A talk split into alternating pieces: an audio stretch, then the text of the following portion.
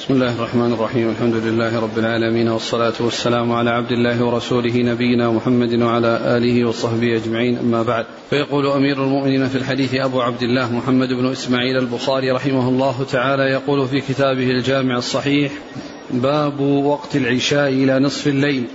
وقال أبو برزة رضي الله عنه كان النبي صلى الله عليه وسلم يستحب تأخيرها.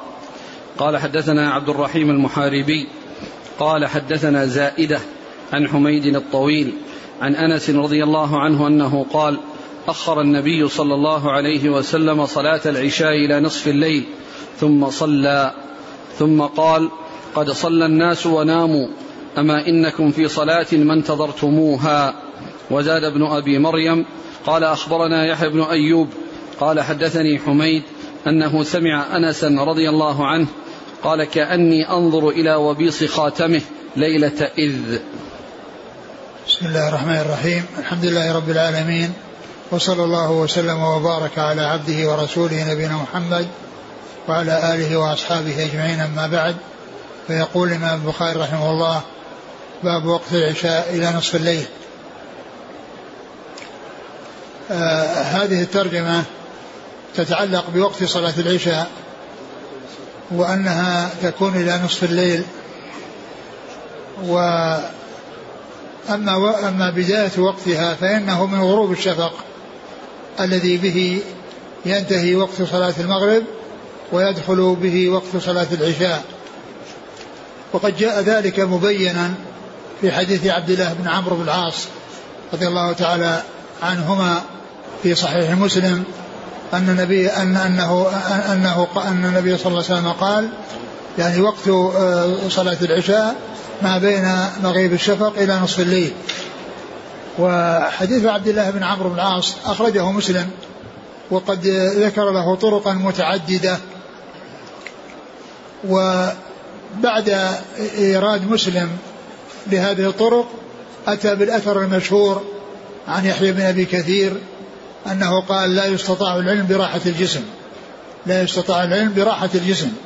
فإنه ذكره في هذا الموضع بعدما ذكر الطرق المتعددة لحديث عبد الله بن عمرو بن العاص في مواقيت الصلاة. قال بعده وذكر بإسناده لا يحيى بن أبي كثير قال لا يستطاع العلم براحة الجسم. و وفيه التوضيح الحديث حديث عبد الله بن عمرو التوضيح البداية والنهاية وأنه من مغيب الشفق إلى إلى نصف الليل. وذكر نصف الليل هو آخر يعني أقصى ما ورد في تحديد صلاة العشاء لأنه جاء الثلث وجاء النصف والنصف أقصى ما ورد وأطول ما ورد في وقت في في في تحديد أو بيان وقت صلاة العشاء. ومن المعلوم أن نصف الليل أن الليل يبدأ بالغروب وينتهي بطلوع الفجر. يبدأ بالغروب وينتهي بطلوع الفجر. فإذا قسم على اثنين طلع النصف. وهذا يختلف باختلاف الأوقات. يعطيني يطول الليل ويقصر ولكن بداية الليل ونهايته طلوع غروب الشمس وطلوع الفجر فما بينه فما بينهما هو الليل. ونصفه بقسمته على اثنين فيظهر مقدار نصف الليل في أي زمن في, في أي وقت من أوقات السنة على حسب طول الليل وقصره. و وعلى هذا فهذا الحديث أورده البخاري رحمه الله لأن أن لأن النبي عليه الصلاة والسلام أخر الصلاة إلى نصف الليل. ومعنى ذلك أن أن نصف الليل هو آخر وقتها لأنه لم يأتي عن النبي صلى الله عليه وسلم شيء يعني بعد نصف الليل. لم يأتي عنه صلى الله عليه وسلم شيء بعد نصف الليل وإذا هذا هو الحد. و وقد جاء عن, عن, عن جماعة من أهل العلم كثير كثير من أهل العلم أنهم قالوا إن وقتها يمتد إلى طلوع الفجر والمقصود بذلك أن نصف الليل هو وقت الاختيار وأما ما بعد نصف الليل فإنه وقت الاضطرار. وفي ذلك خلاف بين أهل العلم. وتكون بهذا صلاة العشاء مثل صلاة العصر لأن صلاة العصر يعني وقتها الاختياري إلى أن يكون مثل كل شيء مثليه ووقتها الاضطراري بعد ذلك إلى غروب الشمس. ولكنه جاء ما يدل على أن أنه إلى الغروب وقت وقت العصر. وهو الحديث الذي سبق أن مر بنا يعني فيما يتعلق بال يعني في في في صلاة المغرب أن أن من أدرك ركعة من أدرك ركعة من من من صلاة العصر قبل أن تغرب الشمس فليتم صلاته. وفي آه، رواية أخرى أدرك الصلاة. فدل على أن ذلك وقت ولكنه وقت اضطرار. لا تؤخر الصلاة إليه يعني إلى إلى ذلك الوقت ولكن من اضطر إلى ذلك أو كان نائما أو كان يعني حصل له يعني شيء يعني شغلة فإنها تكون أداء في ذلك الوقت لكن لا تؤخر الصلاة إليه. أما بالنسبة للعشاء فلم يأتي في ذلك حديث صريح يعني يدل على أن ما بين نصف الليل وطلوع الفجر أنه اختيار إلا ما جاء في صحيح مسلم عن أبي قتادة الأنصاري رضي الله تعالى عنه أن النبي عليه الصلاة والسلام قال ليس في النوم تفريط إنما التفريط أن يؤخر الصلاة إلى أن يأتي وقت الصلاة التي بعدها إلى أن يأتي وقت الصلاة التي بعدها. فبعض أهل العلم أخذ من هذا الحديث أن وقت العشاء يمتد إلى طلوع الفجر لأن هذه هي التي تكون بعدها تكون بعدها. ولم يأتي شيء يعني ينص على أن ما بين طلوع الف... ما بين غروب آه، نصف الليل وبين هذا أنه ليس وقتا لصلاة العشاء. وهذا بخلاف الفجر فإن الفجر ينتهي وقتها بطلوع الشمس وما بين طلوع الشمس وبين الزوال فإنه ليس من أوقات الصلاة. ليس من أوقات الصلاة. أما ما بين نصف الليل إلى إلى إلى طلوع الفجر فكثير من أهل العلم قالوا إن هذا وقت اضطراب. وبناء على هذا الحديث الذي هو غير غير صريح في آه، تحديد وقت العشاء الاضطراري ولكنه يشمله في الجملة. أعد الحديث أولا قال باب وقت العشاء إلى نصف الليل وقال أبو برزة كان النبي صلى الله عليه وسلم يستحب تأخيرها. وقال أبو برزة كان النبي يستحب تأخيرها. وهذا ما في تحديد نصف الليل. ما في تحديد نصف الليل ولكنه ما دام في تأخير؟ فإن التأخير جاء إلى إلى ثلث الليل وجاء إلى نصف الليل ولم يأتي نص بزيادة على نصف الليل. نعم. حديث أنس أخر النبي صلى الله عليه وسلم صلاة العشاء إلى نصف الليل.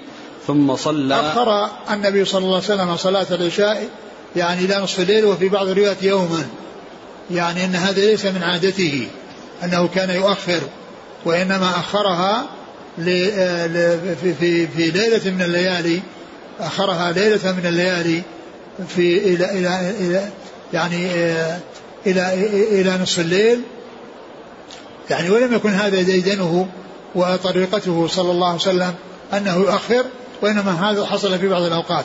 وقد جاء في بعض الروايات التي سبق أن تقدمت أنه كان لشغل وأنه كان قد شغل عليه الصلاة والسلام. نعم. ثم صلى ثم قال قد صلى الناس وناموا أما إنكم في صلاة ما انتظرتموها. ثم قال قد صلى الناس وناموا أما إنكم في صلاة ما انتظرتموها. لأن من كان ينتظر الصلاة فهو في صلاة وهذا يعني فيه عظيم الأجر والثواب لأن كل الفترة التي هو ينتظر الصلاة هو في صلاة يعني في ثوابها وأجرها. هو في ثواب الصلاة وأجر الصلاة لأنه ما دام ينتظر الصلاة فيحصل أجر الصلاة.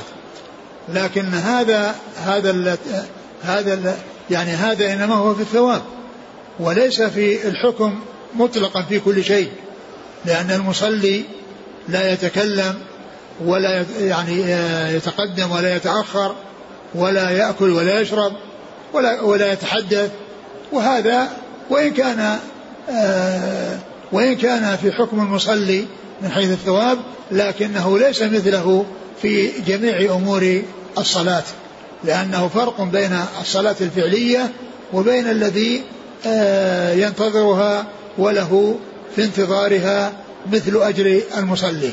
نعم.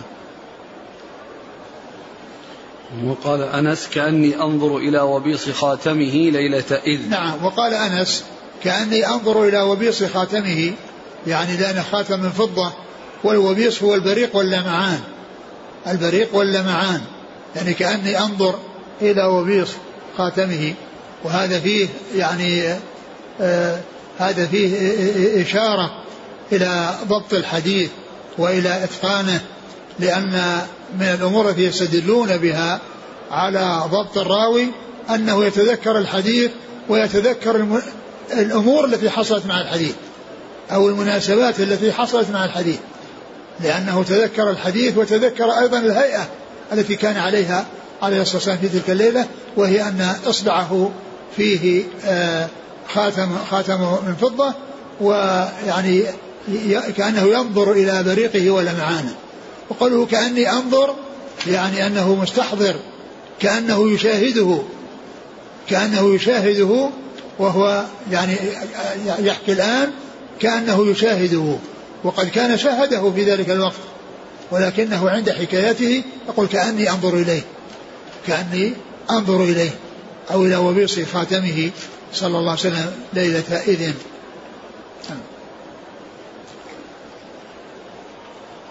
قال حدثنا عبد الرحيم المحاربي. نعم. عبد الرحيم بن عبد الرحمن نعم. عن زائدة. نعم زائدة من قدامة. عن حميد الطويل. حميد بن أبي حميد الطويل.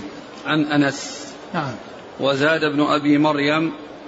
نعم سعيد بن أبي مريم. عن يحيى بن أيوب. نعم.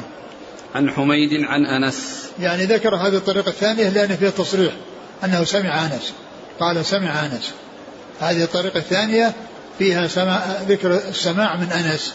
وحميد مدلس. وقد صرح بالتحديث في هذه السماع في هذه الطريقة الثانية. وأما الطريقة الأولى ففيها العنعنة. قال رحمه الله تعالى باب فضل صلاة الفجر. قال حدثنا مسدد قال حدثنا يحيى عن إسماعيل قال حدثنا قيس قال قال لي جرير بن عبد الله رضي الله عنه كنا عند النبي صلى الله عليه وسلم إذ نظر إلى القمر ليلة البدر فقال أما إنكم سترون ربكم كما ترون هذا لا تضامون أو لا تضاهون في رؤيته. فإن استطعتم ألا تغلبوا على صلاة قبل طلوع الشمس وقبل غروبها فافعلوا. ثم قال فسبح بحمد ربك قبل طلوع الشمس وقبل الغروب وقبل غروبها. ثم ذكر فضل صلاة الفجر. باب فضل صلاة الفجر. وأورد فيه أحاديث. من هذا الحديث؟ عن جرير بن عبد الله البجلي. وسبق أن مر هذا الحديث في فضل صلاة العصر. لأن لأن فيه آه أن صلاة آه قبل غروب الشمس صلاة العصر وقبل طلوع الشمس صلاة الفجر. هذا الحديث عن جرير عن جرير بن عبد الله أن النبي صلى الله عليه وسلم نظر إلى القمر ليلة البدر يعني في إحدى ليالي الإبدار وهي الثالث عشر والثالث عشر ليلة الثالثة عشرة والرابعة عشرة والخامسة عشرة التي يكتمل فيها نور القمر ويكون بدرا كاملا فنظر إليه وقال إنكم ترون ربكم كما ترون القمر كما ترون القمر ليلة البدر. لا تضامون في رؤيته أو لا لا لا تضام. لا تضامون أو لا تضاهون. لا تضا لا لا تضامون في في رؤيته أو لا تضاهون. تضامون هذه سبق أن مر وكذلك تضامون. وهي تضامون تضامون من الضيم وتضامون من التضام والتزاحم. أنهم لا يتزاحمون حتى يروه لأنهم يرونه من فوقهم كما أن القمر فوقهم ويرونه جميعا بدون تزاحم وبدون آه، تضامن فيما بينهم.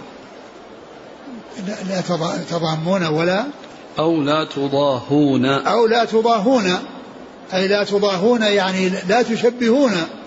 لأن يعني التشبيه المضاهاة هي المشابهة لا تشبهونه بغيره بل هو سبحانه ليس كمثله شيء. وهذا التشبيه في قوله كما ترون القمر يعني المقصود تشبيه الرؤية بالرؤية وليس المرئي بالمرئي تشبيه رؤية رؤية الله.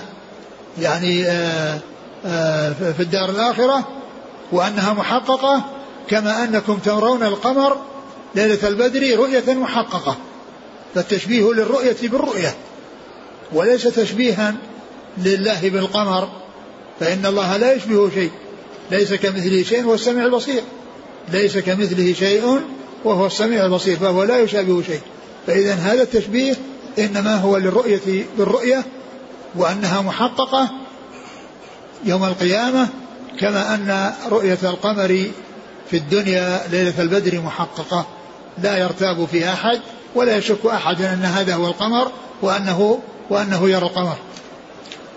و ثم قال فإن آه، استطعتم أن لا تغلبوا على صلاة قبل طلوع الشمس وقبل غروبها فافعلوا. يعني أن أن هذه يعني الصلوات الخمس هي من أفضل الأعمال. وهاتان الصلاتان يعني لهما ميزة على غيرهما ولهما فضائل يتميزان بها اللي هي الظهر والفجر والعصر التي قبل الغروب وقبل الطلوع قبل طلوع الشمس وقبل غروبها. فهذه يعني فرؤية الله عز وجل أعلى وأفضل شيء وأعز وأكمل نعيم يكون في الجنة. فيكون المحافظة على هذه الصلوات من أسباب الحصول على هذه الرؤية والظفر بهذه الرؤية لله سبحانه وتعالى. ثم قرأ وسبح فسبح حمد قبل الشمس قبل غروبها. وقد جاء في بعض الروايات السابقة قبل طلوع الشمس وقبل الغروب. قبل طلوع الشمس وقبل الغروب هذه في في سورة قاف. قبل طلوع الشمس وقبل غروبها هذه في سورة سورة طه. نعم. قال حدثنا مسدد نعم. عن يحيى القطان. عن إسماعيل ابن أبي خالد. عن قيس بن أبي حازم. عن جرير بن عبد الله. البجلي رضي الله تعالى عنه. قال حدثنا هدبة بن خالد قال حدثنا همام قال حدثني أبو جمرة عن أبي بكر بن أبي موسى عن أبيه رضي الله عنه أن رسول الله صلى الله عليه وسلم قال من صلى البردين دخل الجنة وقال ابن رجاء حدثنا همام عن أبي جمرة أن أبا بكر بن عبد الله بن قيس أخبره بهذا ثم ذكر هذا الحديث من صلى البردين دخل الجنة. والبردين هما العصر والفجر. وذلك أنهما في طرفي النهار وفي الوقت الذي يكون فيه الجو باردا لأنها لأنها لأن الفجر متقدمة عن آه، الحرارة والعصر متأخرة عن الحرارة آه، فوصف بالبردين. وصفت هاتان الصلاتان بالبردين وهذا يعني يدل على فضل هاتين الصلاتين كما دلت الأحاديث الأخرى على فضلهما. نعم. قال حدثنا هدبة بن خالد. هدبة بن خالد هدبة بن خالد آه، يقال له هداب. ومسلم يذكره بهدبة وهداب. وأما البخاري فإنه يذكره بهدبة. وقد قيل لعل هداب لقب مأخوذ من هدبة أو منحوت من هدبة لأن أحيانا تكون الألقاب تؤخذ من الأسماء و تؤخذ من الأسماء مثل يعني مثل عبدان مثل عبد الله ومثل عباد عبد الله ومثل دحيم من عبد الرحيم عبد الرحمن. وهنا هداب الذي يعني يأتي به مسلم في أسانيده مرة يقول هدبة ومرة يقول هداب فإن أحدهما اسم والثاني لقب وهدبة الذي كان سلكه البخاري هو الاسم وهداب الذي يذكره مسلم هذا لقب مأخوذ من الاسم. نعم. عن همام. همام بن يحيى. عن أبي جمرة. أبي جمرة هو نصر بن عمران الضبعي. عن أبي بكر بن أبي موسى. وهو أبو موسى الأشعري أبو أبوه أبو موسى الأشعري. وقال ابن رجاء نعم. ابن رجاء عبد الله بن رجاء البصري نعم. عن همام عن أبي جمرة أن أبا بكر بن عبد الله بن قيس أخبره. نعم يعني هنا فيه ذكر يعني آه، ذكره هنا ابن عبد الله بن قيس. هناك ابن أبي موسى وهنا قال ابن عبد الله بن قيس وهو, وهو هو إلا أن هناك ذكر اسمه ذكر منسوبا إلى إلى إلى إلى كنية أبيه وهنا منسوبا إلى أبيه أو إلى اسم أبيه.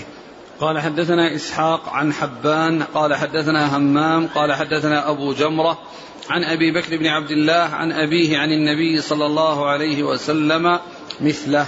نعم. قال حدثنا إسحاق إسحاق بن منصور. الكوسج عن نعم. حبان. حبان بن هلال. عن همام عن حبان بن هلال بفتح الحاء. بفتح الحاء وغيره بكسر الحاء. يعني آه، في التقريب يعني مجموعة من الأسماء بكسر الحاء. وحبان بن هلال هو بفتحها وحده والباقون بكسر الحاء.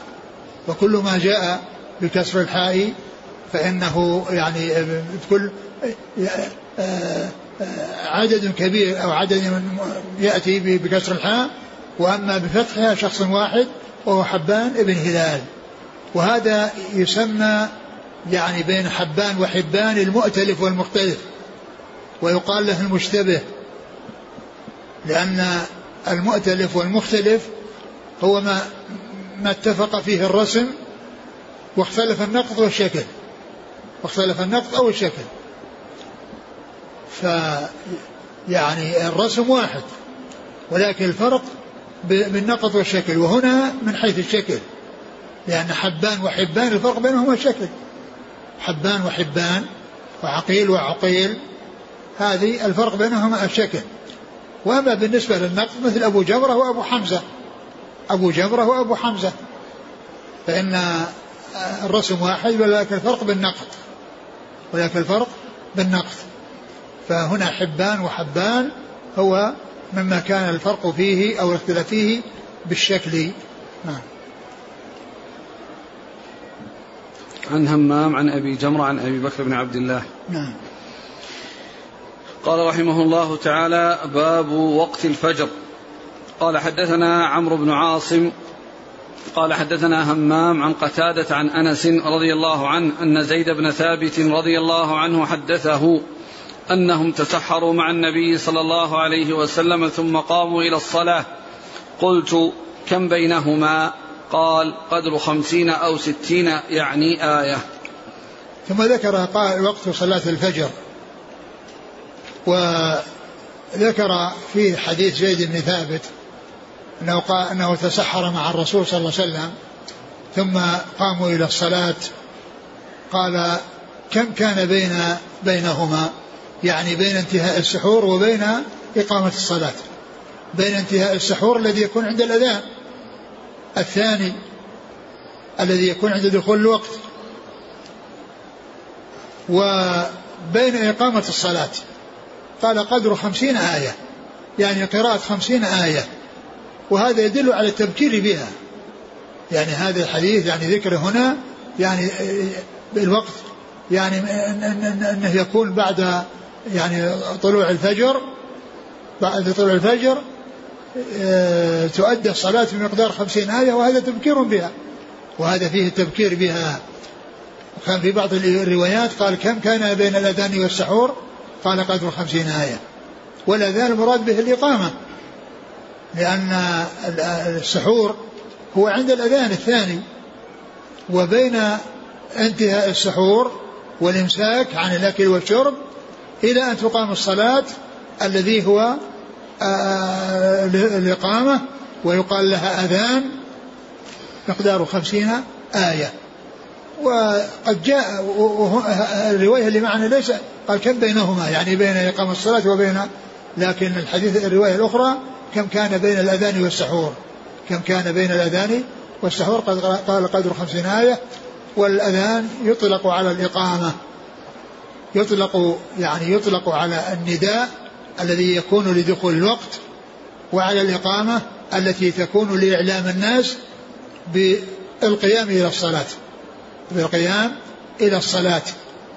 ومما ومما جاء فيه ومما جاء فيه يعني إطلاق الأذان على الإقامة آه، الحديث الذي الذي في قوله صلى الله عليه وسلم قال بين كل أذانين صلاة. بين كل أذانين صلاة. فإن المقصود بالأذانين الأذان والإقامة. وكذلك أيضا ما جاء في بعض الأحاديث أن أذان الجمعة الذي زاده عثمان يقال له الأذان, الأذان الثالث. الأذان الثالث. يعني الثالث بالنسبة للأذان الذي يكون يعني والخطيب على المنبر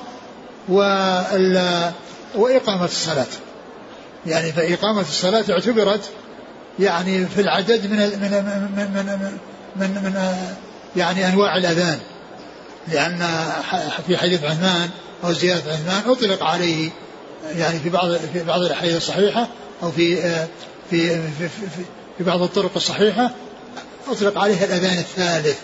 يعني هو ثالث بالنسبة للأذان الذي يكون والخطيب على المنبر بين يعني يدي الإمام وهو عند الخطبة أو عند البدء بالخطبة والإقامة.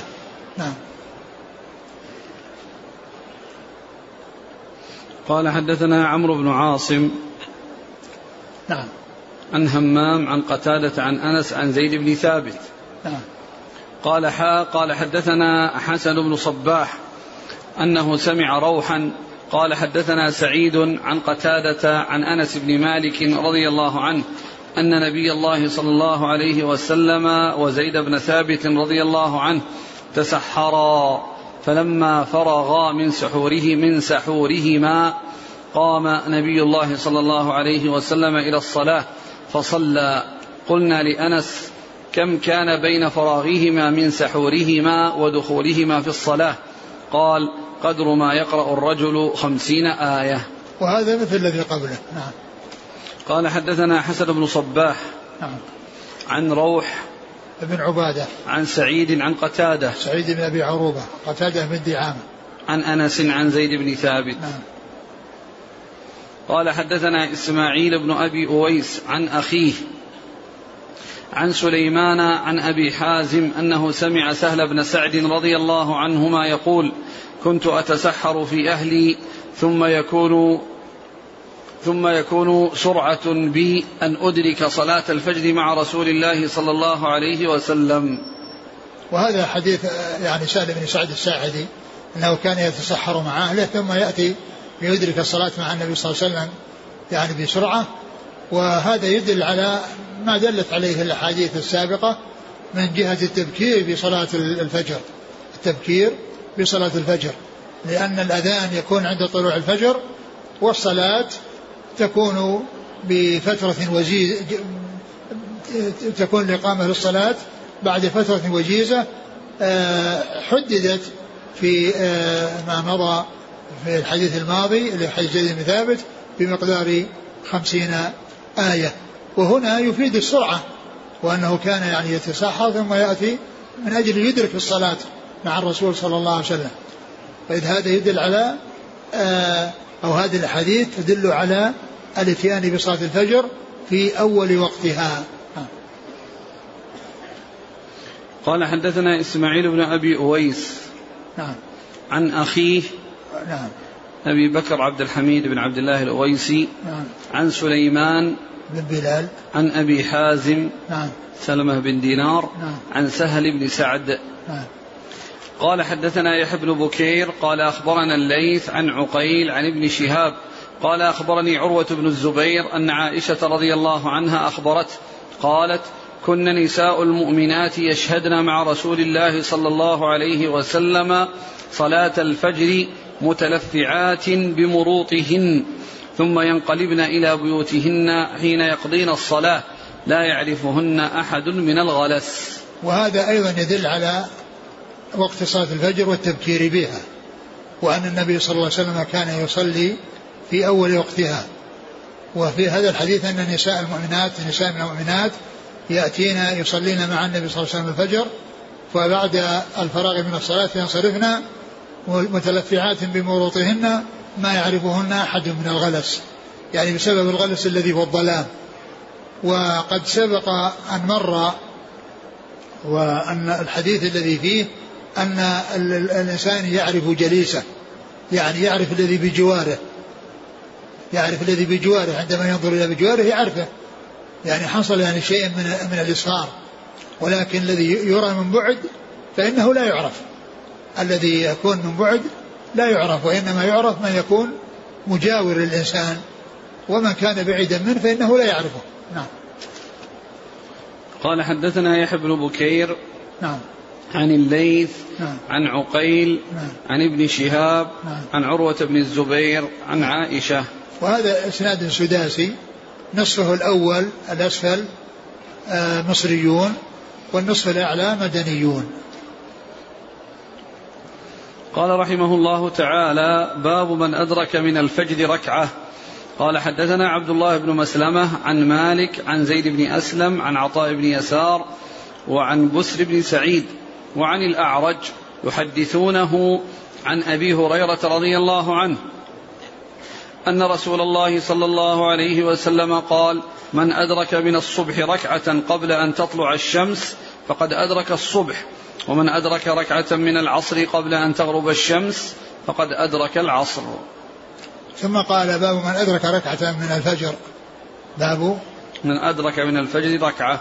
من أدرك من الفجر ركعة. يعني قبل أن تطلع الشمس قبل أن تطلع الشمس.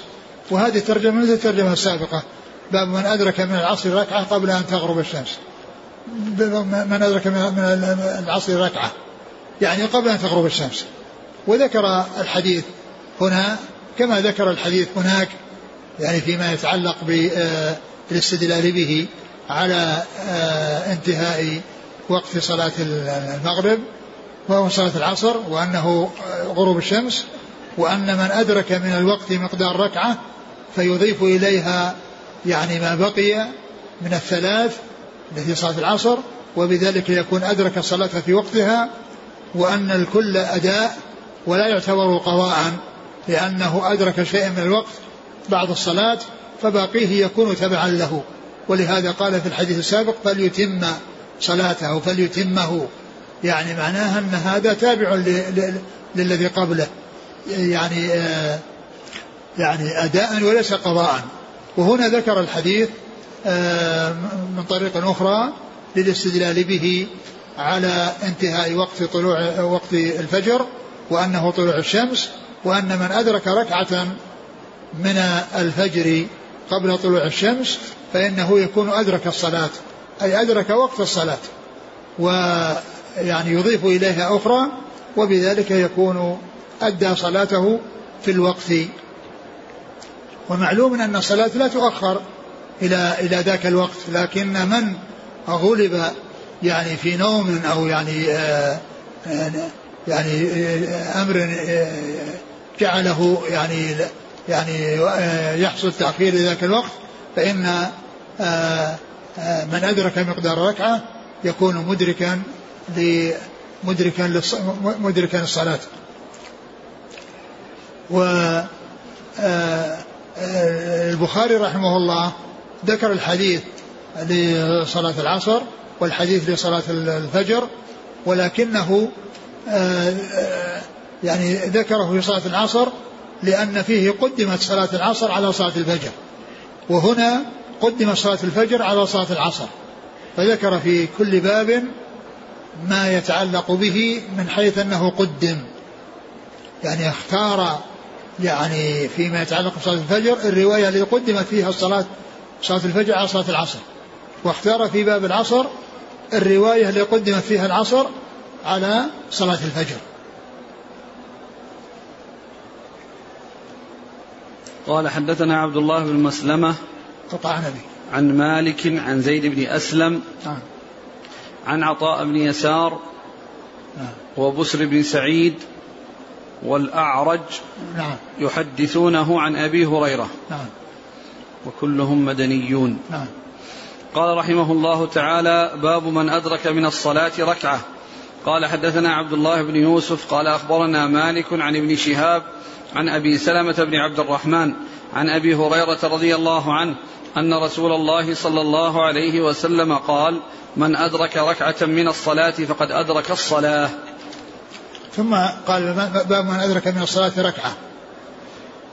وقد ذكر يعني البخاري رحمه الله هذا الحديث في في أبواب المواقيت وأتى به بعد ذكر صلاة الفجر التي يعني من أدرك ركعة يعني من الصلاة قبل الغروب قبل الفجر قبل طلوع الشمس فإنه يكون مدركا.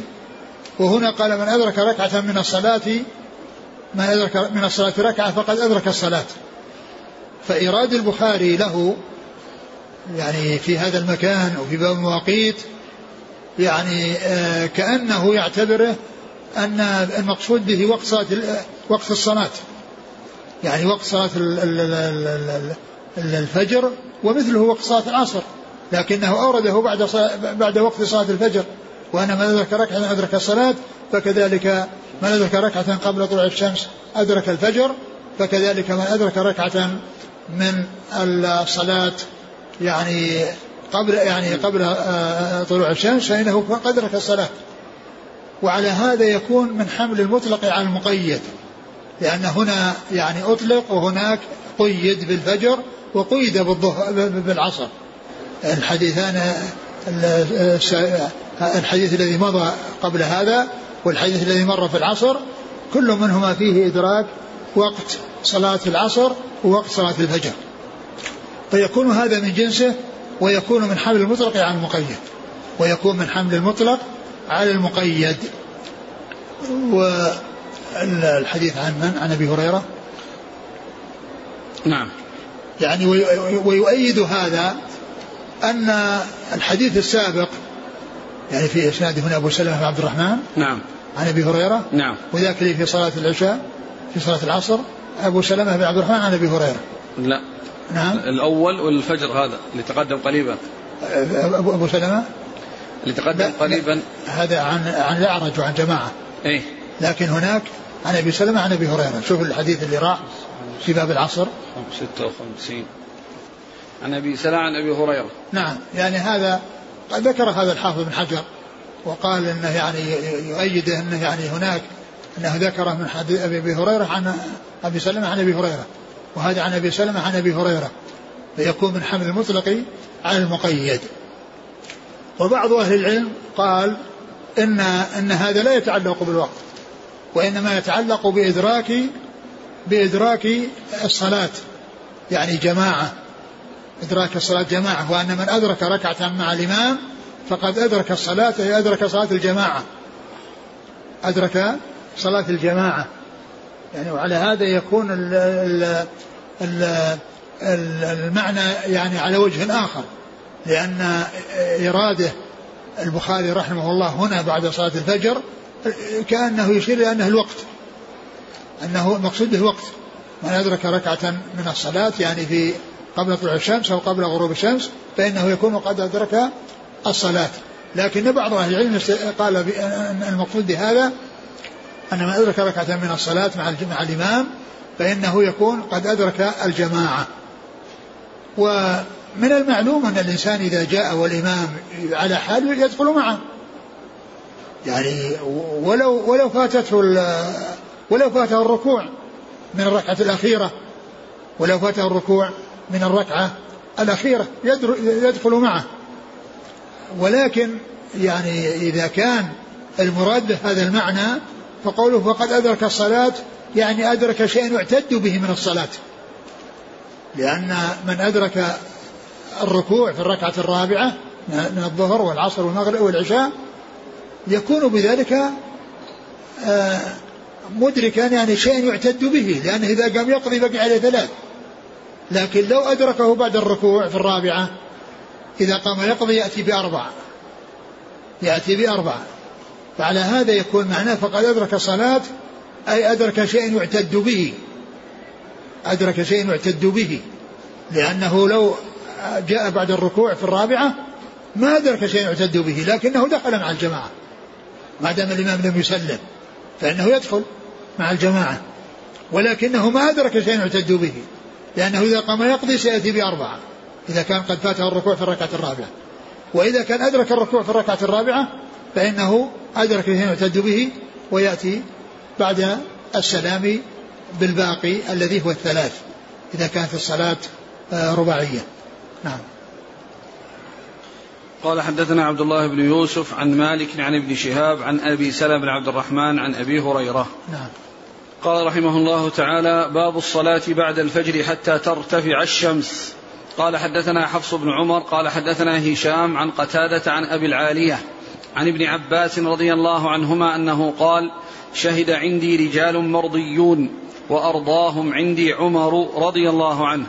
أن النبي صلى الله عليه وسلم نهى عن الصلاة بعد الصبح حتى تشرق الشمس وبعد العصر حتى تغرب ثم ذكر آه، باب الصلاة بعد الفجر حتى ترتفع الشمس. باب الصلاة بعد الفجر حتى ترتفع الشمس.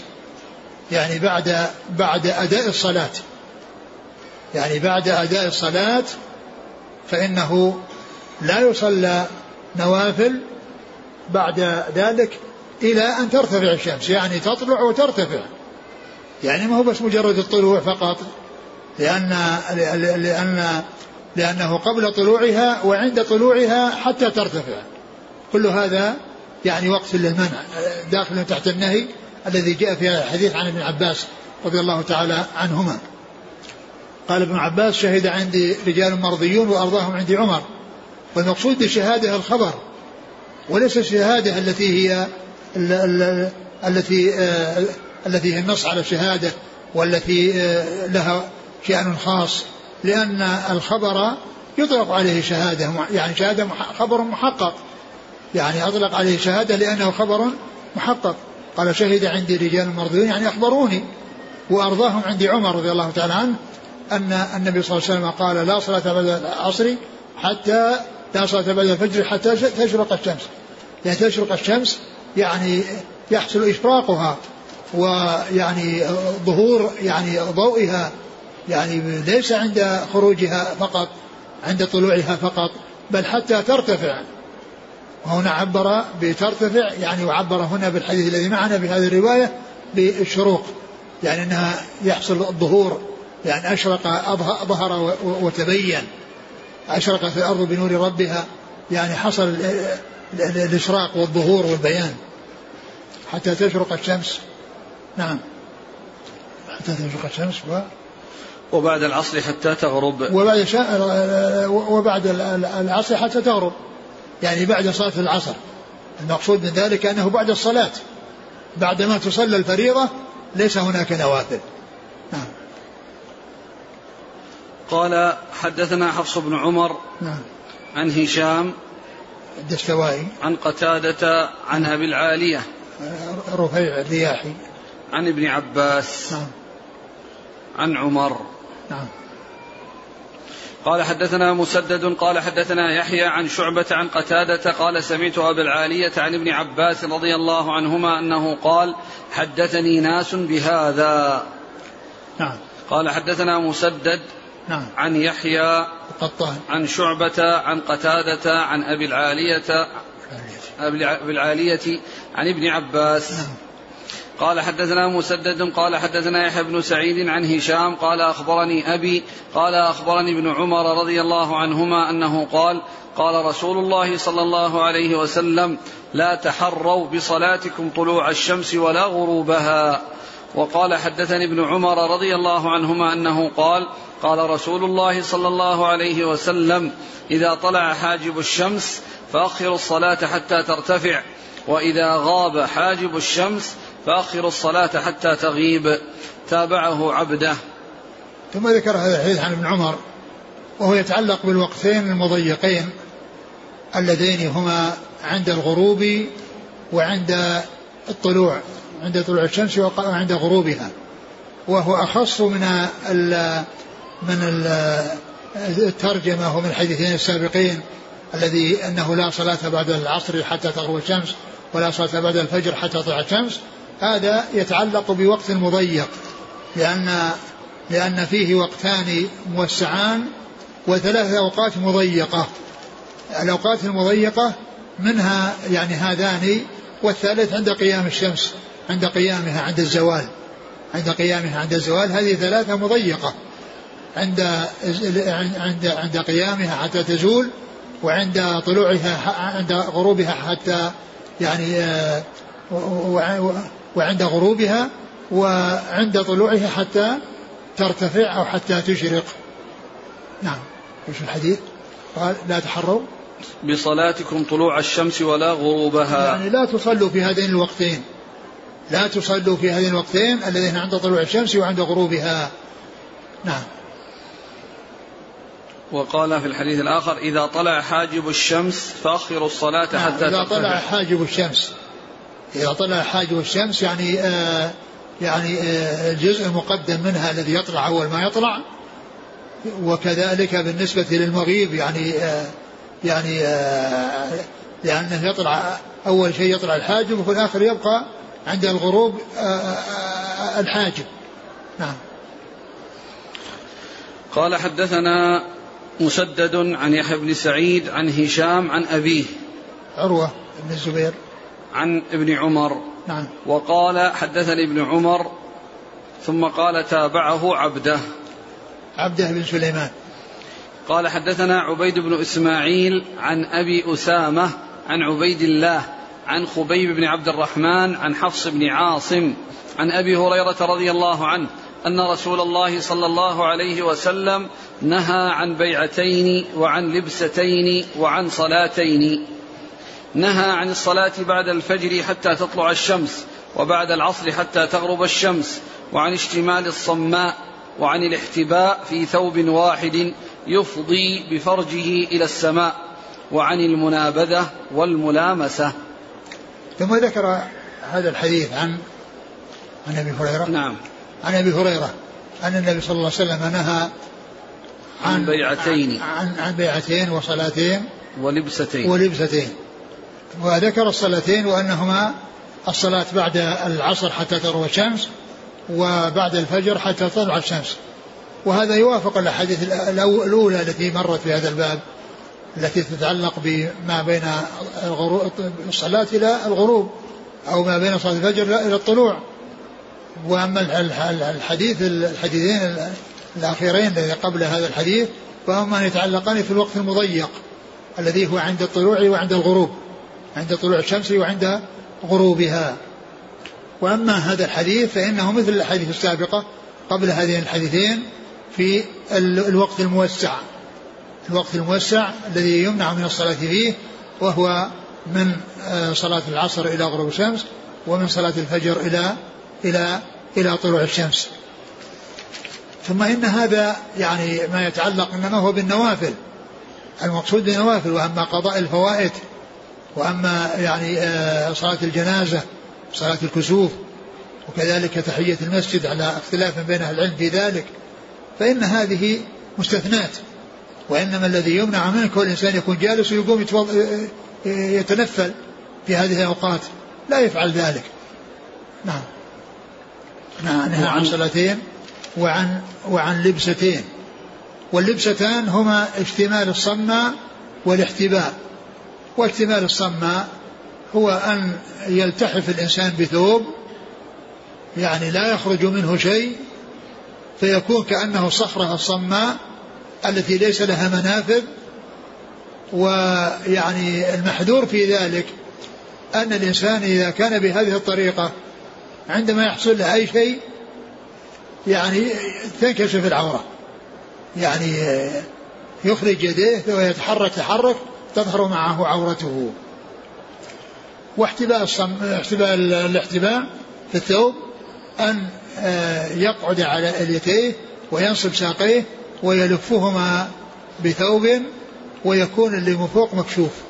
فرجه من الفوق يكون مكشوفا. فقد يرى وقد إذا حصل التحرك آه، آه، يحصل منه انكشاف العورة. لكن إذا كان عليه سراويل مثلا فإن ذلك لا يؤثر. لا يؤثر كل إنسان يحتبي وعليه سراويل لأن لأنه من الأعلى مستور بالسراويل. ولو آه، انفك انفك الحبوة هذه الحبوة التي احتبى بها فإنه آه، العورة تكون مستورة.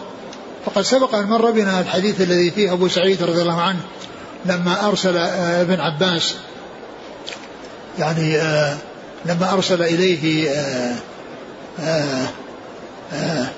ابن عباس أرسل ابن علي ومعه آخر يعني ليأخذوا عن أبي سعيد ووجدوه في حائط له يعني يسقيه فجاء وترك الشغل واحتبى أو عمل يعني احتبى فصار يحدثهم فصار يحدثهم فإن الاحتباء الذي هو ممنوع والذي منهي عنه هو ما كان آه، الفرج مكشوفا إلى جهة الأعلى وإذا سقطت الحبوة أو ما يكون به الاحتباء فإن العورة تنكشف.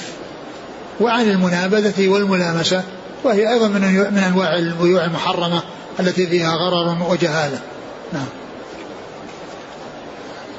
قال حدثنا عبيد بن إسماعيل نعم. عن أبي أسامة حماد بن أسامة. عن عبيد الله. عبيد الله بن بن عمر آه، العمري عن عن خبيب بن عبد الرحمن. نعم. عن حفص بن عاصم. نعم حفص بن عاصم هو جد عبيد الله. هذا الذي آه، في الإسناد. نعم. عن أبي هريرة. نعم. قال رحمه الله تعالى باب لا يتحرى الصلاة قبل غروب الشمس. قال حد والله تعالى أعلم وصلى الله وسلم وبارك على عبده ورسوله نبينا محمد وعلى آله وأصحابه أجمعين. جزاكم الله خيرا وبارك الله فيكم. ألهمكم الله الصواب وفقكم للحق. ونفعنا الله ما سمعنا غفر الله لنا ولكم والمسلمين أجمعين. آمين. من صلى في هذه الأوقات هل يقال الصلاة فيها على وجه التحريم أو الكراهة؟ يعني الصلوات اللي التي ليست مستثنات يعني آه، على وجه التحريم. يقول آه، حفظك الله شخص لا يتاح له زيارة مسجد قباء إلا بعد العصر فيدخل بعد العصر يصلي ركعتي تحية المسجد وبنية أخذ أجر العمرة. ثم يخرج. هل فعله ذلك صحيح؟ لا لا, لا يصلح أن يقصد أن يقصده في وقت النهي ليصلي فيه. وإنما يعمل على أن يذهب إليه في غير وقت نهي. يقول الحائض هل تصلي العشاء إذا طهرت بعد نصف الليل؟ نعم. إذا طهرت الحائض بعد نصف الليل تصلي المغرب والعشاء. يعني حتى المغرب تصليها لأن لأن هذا على اعتبار أنها أنه وقت للصلاتين وقت آه، اختيار وقت اضطرار فإن فإنها تصلي الصلاتين المغرب والعشاء هل تصلى صلاة الاستخارة في أوقات النهي وتعتبر من ذوات السبب؟ آه الأوقات واسعة في غير في غير وقت النهي. الإنسان لا يعمد إلى أنه يصلي في وقت النهي ولكنه يصلي في في غير وقت النهي. يقول ما الفرق بين الاحتباء وجلسة القرفصاء؟ جلسة إيش؟ القرفصاء ما أتذكر القرفصاء ما أتذكر آه، المقصود بها يقول في هولندا هناك سوق لشراء الأشياء القديمة وعدد كبير من الناس خارج السوق نعم يقول الشيخ في هولندا هناك سوق لشراء الأشياء القديمة وعدد كبير من الناس خارج السوق أول ما يفتح السوق يجري الناس حتى يشتروا الأشياء القديمة والذي يلمس يجرون؟ يجرون جري. أيوة. لأن اللي يلمس أول شيء هذا حقه. يلمس أول شيء؟ إيه الذي يلمس البضاعة الأول فهي حقه. من هذه هل هذا من البيوع المحرمة؟ يعني هذا يعني يبدو أنه من جنس الملامسة هذه اللي يعني اللي ورد في الحديث. لأنه قد يعني يكون يعني شيء يعني آه آه, آه، يعني لا يريده فيعني فيلتزم به أو يلزمه. نعم فيكون فيه يعني شيء من من من الغرض يقول هل تقضى السنن الرواتب إذا فات ومضى إذا إذا فات وقتها ومتى تقضى؟ السنن الرواتب هي هي آه، وقتها محدد وسنة فات محلها فات محلها لكن آه، البعدية الراتبة البعدية يعني أو الراتبة القبلية إذا أتى بها بعد البعدية فإنه يأتي بها بعد بعد البعدية لا يأتي بها قبل البعدية لأن البعدية متصلة بالصلاة والقبلية يأتي بها بعدها إذا إذا أتى بها. لكن إذا مضى وقت يروح يقضيها من بكرة أو كذا ولا يقضيها في وقت النهي. يقول إذا استيقظت من النوم ورأيت أن حاجب الشمس طلع هل أنتظر حتى ترتفع أم أصلي الفجر؟ لا يعني ما دام إنها طلع ينتظر لأنه ما أدرك الصلاة. والغروب يعني الطلوع حصل وإنما ينتظر لأنها خرج الوقت الوقت خرج يقول هل صحيح أن اليهودي إذا أسلم يكون أعظم منزلة في الجنة ممن ولد على الإسلام؟ ما أعلم شيء يدل على هذا. هل توجد صلاة تسمى بهذه الاسم صلاة التوبة آه نعم ورد آه في هذا حديث والإنسان يصلي يعني صلاة بنية التوبة. والحديث ورد في مسند الإمام أحمد وهو الحديث الثاني من أحاديث المسند. الحديث الأول حديث آه آه أبي بكر رضي الله عنه الذي فيه آه أنكم تقرؤون هذه الآية لا يضركم من ضل إذا اهتديتم. هذا أول حديث المسند. وثاني حديث المسند هو حديث أبي بكر في في قصة التوبة هذا في صلاة التوبة. أما صلاة الحاجة هذا اللي ما ثبت. صلاة الحاجة ما ثبت في شيء. وأما التوبة ثبتت وهو ثاني حديث في مسند الإمام أحمد. وهل تصلى في أوقات النهي باعتبار أنها ذات سبب؟ لا. يعني يصلي آه، أقول يصلي في غير وقت النهي. يقول ما معنى قول الشيخ الإسلام محمد بن عبد الوهاب رحمه الله في الناقض الثالث من نواقض الإسلام؟ قال من لم يكفر المشركين أو صحح مذهبهم كفر. هل المقصود بالكفار هنا الأصليين؟ أم من ينتمي إلى أمة محمد صلى الله عليه وسلم؟ يعني كما هو معلوم في شيء واضح وفي شيء خفي. الشيء الواضح لا إشكال فيه. والشيء الذي خفي هذا هو الذي فيه الإشكال. فالمشركين الذين هم الكفار اليهود والنصارى وغيرهم من أمم الكفر يعني من صحح مذهبهم أو شك في كفرهم فلا شك أنه كافر. وأما آه، المسائل التي فيها التكفير والتي فيها يعني آه، آه، فيها إشكال وفيها لبس وفيها يعني هذا لا يكون مثل الكفار اللي كفرهم واضح كاليهود والنصارى. لأن في شيء بتأويل يعني لا يكون مثل الكفر الواضح الصحيح. يقول هل يجوز الشراء من سوق غالبا ما تباع فيه أشياء مسروقة والبائعون يشترون بمال يشترون هذه الأشياء ربما بأموال محرمة حيث يتعاملون ببيع المخدرات وهذا خارج المملكة؟ لا يجوز.